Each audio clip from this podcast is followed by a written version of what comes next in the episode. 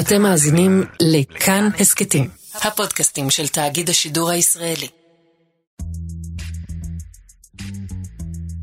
היי שאול אמסטרדמסקי, היי צליל אברהם, מה נשמע? אצלי בסדר, איך היה לך החופש? חופש, מה יכול להיות רע? יש לי מה להגיד גם על זה, אבל לא בשביל זה התכנסנו. אתם ואתן מאזינים ומאזינות ליומן משפט, זו סדרה קטנה שלנו בתוך הפודקאסט עוד יום, הפודקאסט האקטואלי של כאן, ובסדרה הזו אנחנו עושים כמו יומן צפייה. זה משפט נתניהו שמתנהל לו אי שם ברקע, וזה כבר הפרק השלישי. אם פספסתם את השניים הקודמים, אתם מוזמנים למצוא אותם ולהאזין להם אחרי הפרק הזה. וכדאי לכם להאזין, כי וואי, וואי, וואי, איזה שבוע זה היה. שבוע עמוס, רווי יצרים, מלא אינטריגות. נפתחה תיבת הפנדורה של התקשורת, הפוליטיקה וההון. מסתבר שכולם מלכלכים אחד על השני מאחורי הגב. כולם עושים דילים אפלים. קצת חבל שאלה החיים ולא איזה סדרה באמת. לגמרי. השבוע המשיכה החקירה הנגדית, כלומר השלב שבו עורכי הדין של ההגנה חוקרים את העד מטעם התביעה, ואנחנו מדברים פה על העד הראשון בתיק הזה, מנכ"ל וואלה לשעבר, אילן ישוע. אגב, לא יאמן שכל כך הרבה זמן חלף מתחילת המשפט, אנחנו עדיין בחקירה של העד הראשון מתוך עשרות. זה אומר שזה הולך להיות משפט מאוד ארוך, זה ייקח שנים, לא? כן, זה ייקח שנים, וחכי, אולי יהיה ערעור. ואז יהיה גם ערעור. כן, בדיוק. Uh, השבוע מי שחקרו את אילן ישוע היו עורכי הדין של איריס אלוביץ', אשתו של שאול אלוביץ', וגם התחילה החקירה של עורכי הדין של ראש הממשלה בנימין נתניהו. ומה שהם ניסו לעשות בחקירה הנגדית שלהם זה שני דברים. אחד, להראות שישוע הוא פשוט עד לא אמין, שהוא שקרן, שהוא שיקר בעבר, שהוא משקר בהווה. והדבר השני, וזאת האמנה העיקרית בשבוע הזה, הם ניסו להראות שמה שישוע מספר על משפחת נתניהו, על הסיקור המוטה, הכתבות החיוביות, הכתבות השליליות עליהם שנעלמו, כל זה, הם ניסו להראות שכולם עושים את זה כל הזמן, שישוע עצמו עזר לכל העולם ואחותו לעשות את אותו דבר כל השנים האלה. ועל הדרך הם סיפקו לנו הצצה די שערורייתית אל אחורי הקלעים של אתר וואלה באותה תקופה, ושל כל כלי התקשורת באופן כללי, ושל הקשרים הנסתרים מן העין שבין הפוליטיקה לכלי התקשורת, ובין כלי התקשורת לבין עצמם. אז נתחיל, יש לנו שלוש דמויות ראשיות השבוע. יאללה. והדמות הראשונה שלנו? אני חושב שאין ברירה אלא להתחיל מבוז'י הרצוג. אני יודע שזה היה בכל הכותרות כל השבוע, אבל האיש בכל זאת רוצה להיות uh, נשיא המדינה עוד שנייה. ממש, תזמון מדהים. Uh, כחלק מהחקירה הנגדית, הסנגורית של איריס אלוביץ', שלפה התכתבות של ישוע עם בוז'י הרצוג. ההתכתבות היא משנות 2013, כשהוא התמודד על ראשות מפלגת העבודה מול שלי יחימוביץ'. ובהתכתבות הזאת אנחנו רואים שהוא מדבר עם ישוע על זה שהכותרת באתר חייבת להיות ממש בעדו, ממש בעד בוז'י. והחלק המדהים הוא שבאמת זה די כאילו משוגע, ההתכתבות ביניהם, לפחות כמו שזה הוצג בבית המשפט, כן? היא התחילה בזה שישוע מברך את הרצוג, הוא מברך אותו על הזכייה שלו בפריימריז, וכאילו חשבתי לעצמי, באיזה קטע אתה מסמס ליושב ראש מפלגה, לא משנה איזה מפלגה, ברכות על הניצחון שלך, אל תהסס להסתייע בי, מה זה? אנחנו נראה לי נדבר על זה אחר כך, ומה שקורה אחרי זה זה גם שהרצוג עונה לו בקלילות, כאילו זה הדבר הכי טבעי בעולם. תודה, אשמח שהכותרת תהיה ניצחון מוחץ להרצוג למרות ההתקפות נגדו, ואז הוא גם מוסיף נימוק, הוא לא סתם מבקש את הכותרת, יש גם הסבר. אני חייב להראות שליטה והדרה של הכלבה, הכלבה, הוא מתכוון לשלי יחימוביץ'. כן, ש- שהייתה ראשת המפלגה לפניו. ועכשיו מגיע החלק שאני לפחות הכי אוהב בהתכתבות הזאת. ישוע עונה לו, שימי לב, בסדר מטפל, אני בהוואי, אבל אני אנחה את אבי. ואבי זה אבי אלקלעי. בסדר מטפל. כאילו, בסדר מטפל, אתה, זה משהו שאתה אומר לבוס שלך. מילא זה, הבן אדם בהוואי. אתה, אתה כאילו, אתה בצד השני של העולם מילולית, ואתה מסתמס עם בוז'י הרצוג, ואז אתה מנחה את העורך שלך מה תהיה הכותרת הראשית, ואחרי זה, אחרי זה בוז'י עוד אומר לו, עוד אומר, סליחה, לבוז'י, אומר לו, שלח לי עוד חומר, עוד חומר, ונכין אייטם גדול על כל המסכת של הניסיונות של יחימוביץ' להכשיל אותך. וזה באמת, זה פשוט מנכ"ל אתר תקשורת שפשוט לוקח צד, ולהרצוג אין שום בעיה עם זה, הוא ממש סבבה עם זה לגמרי. לוקח את הצד שניצח, לא לוקח צד מתוך איזו העדפה פוליטית או אידיאולוגית. כן, אולי, אני לא יודע. את יודעת מה, אני אפילו לא יודע מה יותר גרוע, אולי כבר עדיף לבן אדם שתהיה לו אידיאולוגיה, מאשר פשוט, תשמע, ניצחת מגניב, אז אני בצד שלך, ולמה אתה בצד שלך? אתה כלי תקשורת, מה, מה הקטע פה? לא ברור. פשוט רוצה להיות סבבה עם כולם. להיות במרכז העניינים ולהיות חבר של כולם. זה הזכיר לי קטע מהסרט uh, כל אנשי הקמפיין של ענת גורן, סרט שהיא עשתה על בוז'י הרצוג uh, בבחירות 2015, כשהוא התמודד מול נתניהו לראשות הממשלה. בסרט הזה רואים את תמי שנקמן, שהיא הייתה אז יועצת התקשורת של המחנה הציוני, השילוב הזה של העבודה והתנועה של ציפי לבני, נכון? זה מה שזה היה. Mm-hmm. והיא עומדת שם מחוץ לאירוע בחירות של הקמפיין של בוז'י. בוז'י עדיין לא הגיע, אבל היא כבר מדברת בטלפון עם המשנה לעורך ynet אמנון מירנדה, והיא מכתיבה לו את, ה, את הדברים שבוז'י הולך להגיד, למרות שהוא עדיין לא אמר אותם, וגם מבקשת שהם יופיעו בכותרת. עכשיו, זה לא בדיוק אותו דבר כמו ה-SMS הזה. א', כי יש הבדל בין זה שהיחצנית מתקשרת לבין זה שהפוליטיקאי מתקשר. אמ, וב', יש הבדל בין זה שהיא מדברת עם העורך, לבין זה שהמנכ"ל מורה לעורך מה לשים בכותרת. זה אולי נשמע כמו פרטים קטנים, אבל זה רמה עוד יותר גבוהה של, אמ, לא יודעת, של שליטה, של, של קשר. של סירוב, כן. וזה מראה כמה סיאוב זאת המילה, נכון. זה מראה כמה בוז'י והאנשים שלו בעצם כל הזמן עבדו מאחורי הקלעים, כל הזמן היו בקשר שוטף עם התקשורת וניסו להכתיב כותרות ולהכתיב ככה את סדר היום. והרגע הזה שנתפס במצלמה וזה היה נראה כאילו משהו מקרי, בעצם מסתבר שזה קרה כל הזמן מאחורי הקלעים עם כולם. ועוד משהו לא פחות מדהים זה שהתביעה הודתה בבית המשפט שהחומר הזה על הרצוג הועבר בכלל להגנה בטעות. הם לא היו אמורים להיחשף לזה, זה הועבר אליהם יחד עם עוד הרבה דברים שהגיעו אליהם במקרה. כן, זה, זה היסטרי לגמרי, יש שם סיפור שלם על ז'אק חן, העורך דין, שהוא מספר איך בגלל שהוא אה, אה, טכנופוב, הוא לחץ איפשהו באיזה מקום לא נכון, ואז נפתחו לו עוד מלא לשוניות באקסל עם מלא אנשים, משהו הזייתי לחלוטין. אה, את יודעת, לפעמים כאילו אנחנו מרגישים כזה שהכל כזה בסלוטייפ, אבל כאילו חבר'ה, בואו, זה רק המשפט הכי חשוב, כאילו, בעשור האחרון, לפחות, כאילו, תעשו את העבודה שלכם כמו שצריך. בכל מקרה, מבחינתו של בוז'י... אף אחד לא יודע אקסל, שאול, אף אחד לא יודע אקסל. הייתי מצפה שבפרקליטות, you know. Uh, מבחינתו של בוז'י, העיתוי של העדות הזה היה באמת הכי גרוע שהוא יכול לחשוב עליו, כי ממש בעוד כמה ימים הוא מקווה להיבחר לנשיא המדינה, גם יש לו סיכוי לא רע. Uh, כבר באותו יום הוא התנצל כלפי יחימוביץ' באופן פומבי ואישי, ואני מודה שמבחינתי זה ממש לא איך שהוא דיבר עליה, כי בואי, כולנו מקללים אחד את השני כל הזמן כשאין מצלמות, לא זה מה שמכה אותנו פה בתדהמה, אלא עד כמה בנוח הוא מרגיש להכתיב כותרת לגוף תקשורת. ובואי נגיד שלדעתי לפחות, כן, לפי התגובה הנינוחה והטבעית שלו, לא נראה לי שזו הייתה הפעם הראשונה או האחרונה שבה הוא עשה דבר כזה. אבל הבעיה היא לא זה שהוא עשה את זה. הוא בתור פוליטיקאי, מותר לו לנסות להשיג הכי הרבה השפעה שהוא רוצה. הבעיה היא המנכ"ל, שאומנם אינו עיתונאי, שפשוט אה, באמת מניח לכל רוח חולפת אה, להעיף אותו לכיוון שלה. אני חושב שאי אפשר להוריד גם מבוז'י את הסיפור הזה. כאילו... מה, התרגלנו לזה שזו פשוט הנורמה? שפוליטיקאים פשוט מדברים עשר קומות מעל הראש של הכתבים ופשוט מכתיבים כל מיני כותרות? זה לא בסדר, זה לא אמור להיות ככה. זה, זה, לפחות. לא, אבל, האח, אבל האחריות, האחריות היא לא על בוז'י, האחריות ל, למלא את הכללים האלה היא על המערכות אה, עיתונאיות. אין שום ספק, אבל זה מלמד אותך במשהו גם על בוז'י עצמו. זאת אומרת, ברור בעצם, אבל זה מדגיש עד כמה הוא הרבה יותר uh, כוחני uh, מאיך שנתפס בתדמית הציבורית שלו. זה נכון. הדמות השנייה שלנו לשבוע היא? אני רציתי שנדבר קצת על אה, ינון מגל. בוא נדבר עליו. Uh, השבוע בתוכנית שלו, יש לו תוכנית רדיו ברדיו 103 עם בן כספית, uh, ינון מגל ירד אל ישוע ממש. Uh, מגל היה העורך הראשי של וואלה, מתחת לישוע, uh, ב-2013 עד 2014. אה, והוא התכסח עם ישוע לא מעט, לפחות זה מה שעולה בבית המשפט. הנה מה שמגל אמר השבוע ברדיו בתוכנית שלו, הוא אמר שם ככה: השיטה הזו, הוא מתכוון לוואלה, הייתה לפתוח רגליים בפני כל פוליטיקאי, לא מת על הביטוי הזה, אבל אלה המילים של מגל. אתה מבין שכל דבר מתערבים בשיקול עם העורך הראשי. מה מנכ"ל וואלה צריך להיפגש עם כל הפוליטיקאים האלה? מה יש לו לעשות ארוחת בוקר עם גדעון סער וגאולה אבן. מה, הוא מתעסק בתוכן, הוא מסקר אותם, הוא עבד איתם, איך הגענו לזה?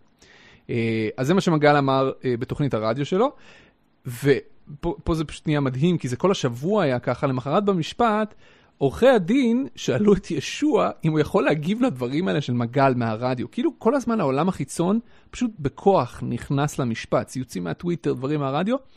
אה, וישוע אמר שם שמגל סתם ממורמר, כי יום לפני זה נחשפה התכתבות של ישוע עם מנכ"ל גלובס באותה תקופה, איתן מדמון, שהוא אה, חבר טוב של ישוע. אה, ישוע כתב, אה, אחרי שינון מגל אה, עזב את וואלה ונבחר להיות אה, חבר כנסת, הנה נכנס עוד איש אה, שטחי וטיפש אה, לבית הנבחרים. וישוע פשוט טען בבית המשפט שינון מגל פשוט נעלם מזה, ולכן הוא אמר ברדיו את מה שהוא אמר. אבל, כן, אבל, אבל האמת היא שמעדויות קודמות של ישוע מלפני סדר גודל של שבועיים, קצת יותר, אה, דווקא נראה שלפחות בתור עורך ראשי, לפחות מול ישוע, לינון מגל היה עמוד שדרה עיתונאי לא רע. זאת אומרת, לישוע ממש היה קשה איתו. מתי למשל? אז הנה, למשל לפני שבועיים, אה, אה, במהלך המשפט, נחשפה הודעה שינון מגל שלח לישוע, אחרי שישוע התערב לבקשת משפחת נתניהו, והעלה שם איזו ידיעה מתחנפת לטובת המשפחה, משהו עם יוני נתניהו, לא משנה הידיעה עצמה. ינון מגל סימס לבוס שלו, כן, אילן ישוע, הבוס שלו, האיש החזק ביותר בוואלה, הוא כותב לו, אילן היקר, ואת יודעת שכשאס.אם.אסים מתחילים ככה ש... כן. אה, בפעם הבאה שתיתן הוראות לעובדים שכפופים לי, אני אראה את זה כפיטורים. שזה בכל זאת, אתה צריך שיהיה לך איזשהו, אתה צריך שתהיה לך איזושהי מידה של אומץ להגיד אה, דבר כזה לבוס שלך. היו שם עוד כל מיני דוגמאות. אה, וישוע עצמו אגב, תיאר את ינון מגל בתור עורך מרדן וסרבן, שהיה לו קשה איתו. אה, אם כי, לפחות ממה שאנחנו יודעים, היה לו קשה איתו אה, בכל מה שקשור להטיית הסיקור לטובת משפחת נתניהו. אני לא יודע מה היה קשה לו איתו אה, עם דברים אחרים, אבל לפחות שם ינון מגל מגלה עמוד שדרה עיתונאי. וזה לכאורה מפתיע, כי אנחנו זוכרים את, אה, את אה, מגל כמי שאמר על עצמו פעם שהוא מגדיר את עצמו קודם כל כישראלי ורק אחר כך עיתונאי. אבל מצד שני, זה גם מראה לנו את ההבדל בין קו מערכתי לבין הטיית סיקור שהיא מטעמים פוליטיים אה, וקשרי הון שלטון. הוא היה, ינון, ינון מגל היה לו... אה, לא הייתה לו שום בעיה עם סיקור שיש לו קו אידיאולוגי מסוים. להפך, הוא רצה כאילו להתוות קו מערכתי כזה שמוטה לכאורה לטובת הימין. זה לא אותו דבר כמו להטות את הסיקור לטובת כל מי שבא בטוב למנכ"ל וכל מי שיש לו אינטרס שעולה בקנה אחד עם האינטרס של הבעלים. נכון, ואגב, כשמסתכלים היום על הפרסונה של אילון מגל, היום כבר, אני לא יודע אם נקרא לזה, נקרא לזה עיתונאי, אני לא יודע, הוא מגיש אה, ברדיו והוא הוא איש מגיש תקשורת. בערוץ 20, כן. אה, היום כאילו, היום זה נראה שכבר מדובר בטיפוס אחר, כן? בשביל זה הדיסוננס הזה כל כך קשה לי, כאילו קשה להסתכל על, על הפרסונה של היום, שזה ממש כאילו ביבי ביבי ביבי, ו, ועל הדמות הזאת שעולה מהתיאור של ישוע, של עורך ראשי שנלחם ואומר לו, לא, אתה לא תדבר עם האנשים שלי, ולא, אנחנו לא נתת את הידיעות האלה וכולי. כאילו, מה קרה שם בדרך? לאן הלך הינון מגל ההוא? מה שקרה לעוד כמה עיתונאים, שהיה אצלם איזשהו בלבול בין אה, אה, קו אידיאולוגי ימני, שזה דבר שבאמת גם הוסיף גיוון ועניין לתקשורת והיה חסר בה, לבין הזדהות מוחלטת עם האינטרסים של נתניהו. יכול להיות. אה, הדמות השלישית שרציתי שנדבר עליה היום, נוני מוזס. נוני מוזס. כן, נוני מוזס, שהוא המו"ל של ידיעות אחרונות, שגם בעצמו נאשם בתיק הזה, זה לא רק משפט נתניהו בעצם, זה גם אלוביץ' ו- ונוני מוזס. הוא נאשם בחלק שנקרא תיק 2000. כן, הוא מופיע במשפט הזה הרבה יותר מוקדם ממה שציפינו. בואו נסביר רגע איך הוא בכלל קשור לתיק הזה, לתיק 4000. נכון, אז הוא, הוא באופן מוזר הוא קשור. אה, שנייה לפני שאנחנו מתקדמים, קודם כל גילוי נאות, שנינו עבדנו בקבוצת ידיעות אחרונות של נוני מוזס. אה, אני הייתי כמעט תשע שנים בכלכלי, שזה העיתון הכלכלי של ידיעות. ואני עבדתי במוסף שבעה לילות של ידיעות אחרונות. אוקיי, עד כאן גילוי נאות. אז אה, במהלך העדות שלו השבוע, ישוע חשף איך בעל השליטה בוואלה, שאול אלוביץ', אחד הנאשמים בתיק הזה, היה בסטרס לא רק מראש הממשלה נתניהו, שזה מה שהפרקליטות טוענת, ולכן השוחד וכולי, אלא הוא היה בסטרס גם מבעל השליטה בידיעות אחרונות, נוני מוזס. ובהתכתבויות הפנימיות ביניהם, בין אלוביץ' לישוע, הם שניהם נותנים למוזס את אותו כינוי שהם נתנו לנתניהו. בקודים הפנימיים ב, אה, אה, בין שניהם, לשניהם קוראים הגדול. וואי, זה הכי מפחיד. נכון? כאילו, כן. אה, וזה באמת בין, אחד החלקים הכי מעניינים בסיפור הזה, למה ישוע והבוס שלו, שאול אלוביץ', בכלל מדברים על נוני מוזס, שהוא בעצם מתחרה בהם, כי הוא בעל השליטה בוויינט, האתר המתחרה. למה? אז הנה דוגמה מהעדות של ישוע מהשבוע, אוקיי? בפברואר 2012, מנכ"ל וואלה מצא את עצמו מתעסק בידיעה קטנה, באמת, משהו קטן וטיפשי, שעלה במדור הברנז'ה של וואלה. וואלה ברנז'ה, היום המדור הזה כבר לא קיים, אבל אז הוא היה מאוד מאוד נקרא על ידי הברנז'ה. אה, והידיעה אמרה את הדבר המרעיש הבא, תחזיקי חזק, באתר ynet הייתה הפנייה לטור של העיתונאי אורי משגב, שפעם עבד בידיעות אחרונות, ואז פוטר משם, ואז התחיל להיות אה, מבקר קולני של ידיעות אחרונות, בואי נגיד ככה, ובינתיים עבר גם לכתוב אה, בלוג מאוד נקרא בהארץ. ומישהו שם לב להפניה הזאת, מישהו בוויינט או בידיעות אחרונות שם לב להפניה הזאת, והורה להוריד אותה, והיא באמת ירדה. והידיעה בוואלה ברנז'ה סיפרה את הסיפור הזה, והיה שם רמז כאילו נוני מוזס. הוא זה שנתן את ההוראה להוריד את ההפניה לטור של משגב. אוקיי, ידיעה לגיטימית בוואלה ברנז'ה, איך זה קשור לענייננו?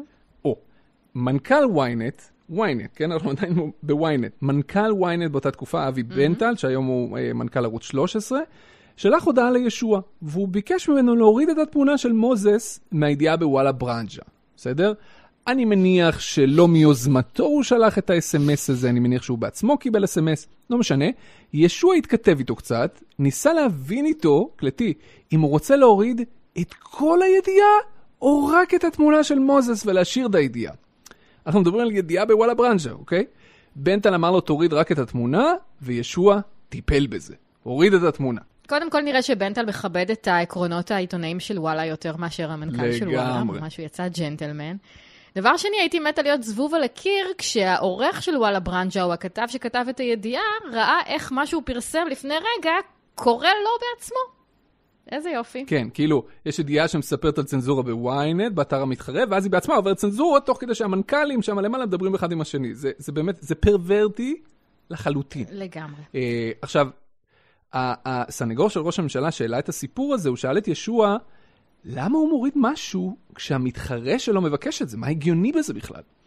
והתשובה של ישוע היא באמת, היא מהממת. הנה מה שהוא אומר לו, הוא אומר, היה רק גורם אחד שהפחיד את שאול אלוביץ' יותר מראש הממשלה, וזה היה נוני מוזס. אחרי זה הוא גם מסביר שהם קראו לו הגדול, שאסור להרגיז, אה, אה, להרגיז את הגדול, דברים כאלה. אני חייבת להודות שאני לא לגמרי מבינה את העניין הזה. אני עבדתי בשבעה לילות בתקופה שבה הייתה תחרות עזה, שהיה נדמה שכל המדינה יודעת עליה, אבל אני לא יודעת כמה היא באמת עניינה את הציבור, בין ידיעות אחרונות לקשת. והתחרות הזאת הייתה כל כך קשה, שאף מילה לא נכתבה בשבעה לילות על שום דבר בקשת.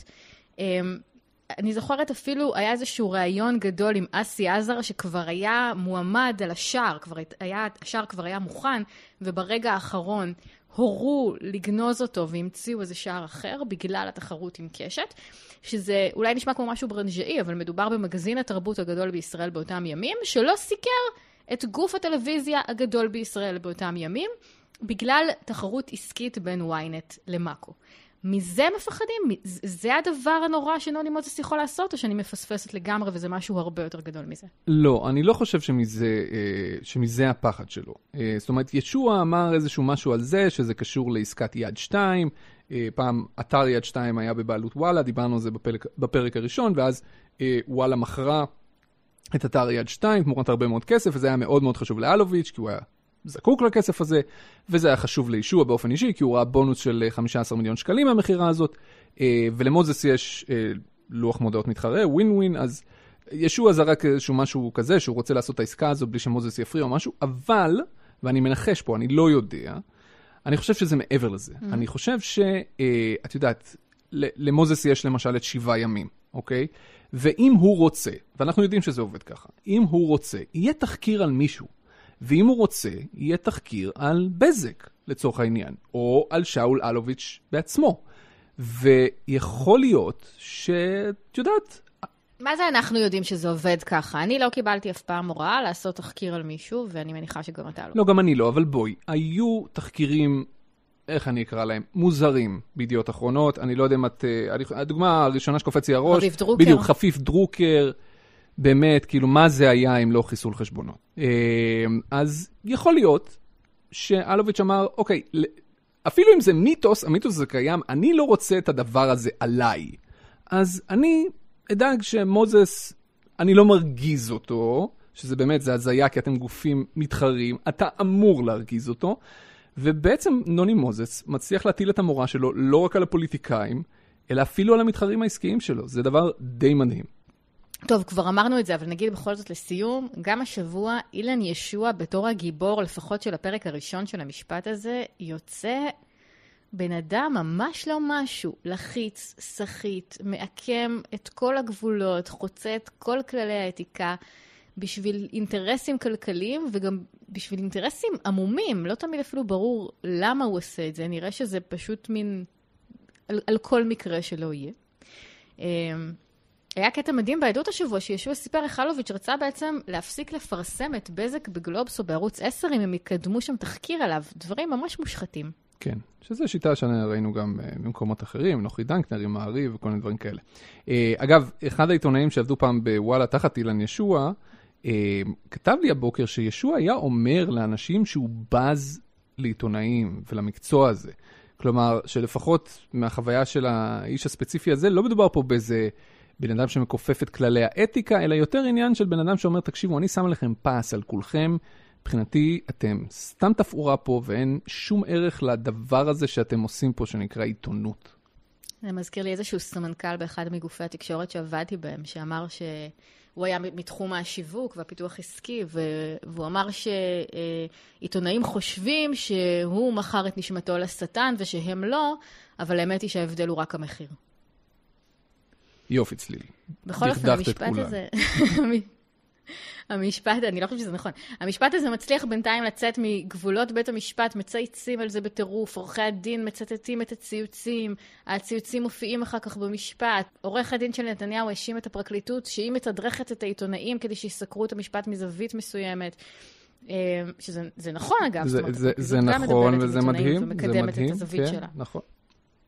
אה, הליכוד אגב פרסמו פוסט, הכותרת שם הייתה אילן יסדר שיטת ישוע. שאגב, הם מפרסמים את זה רק עכשיו, כי בשבועות הקודמים, כש, כשזה לא הייתה חקירה נגדית, אלא שישוע סיפר את הצד שלו, אה, אז לא היו פוסטים כאלה.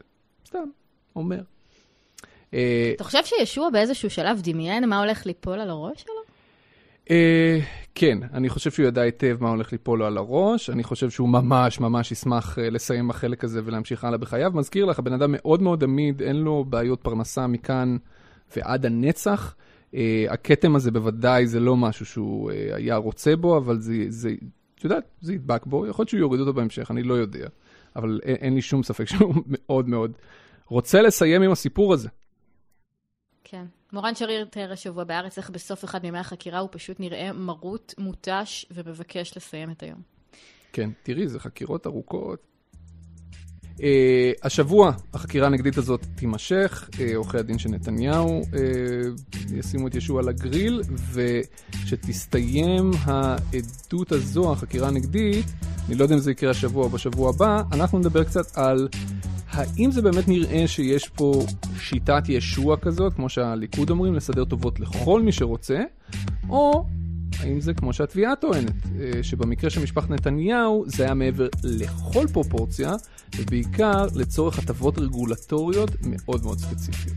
ממש ממש ממש כיף לי. תודה רבה שאול אמסטרדם. תודה רבה צליל אברהם. תודה רבה לכם שהאזנתם ליומן משפט, סדרת בת של הפודקאסט האקטואלי של כאן, עוד יום, ניפגש בפעם הבאה.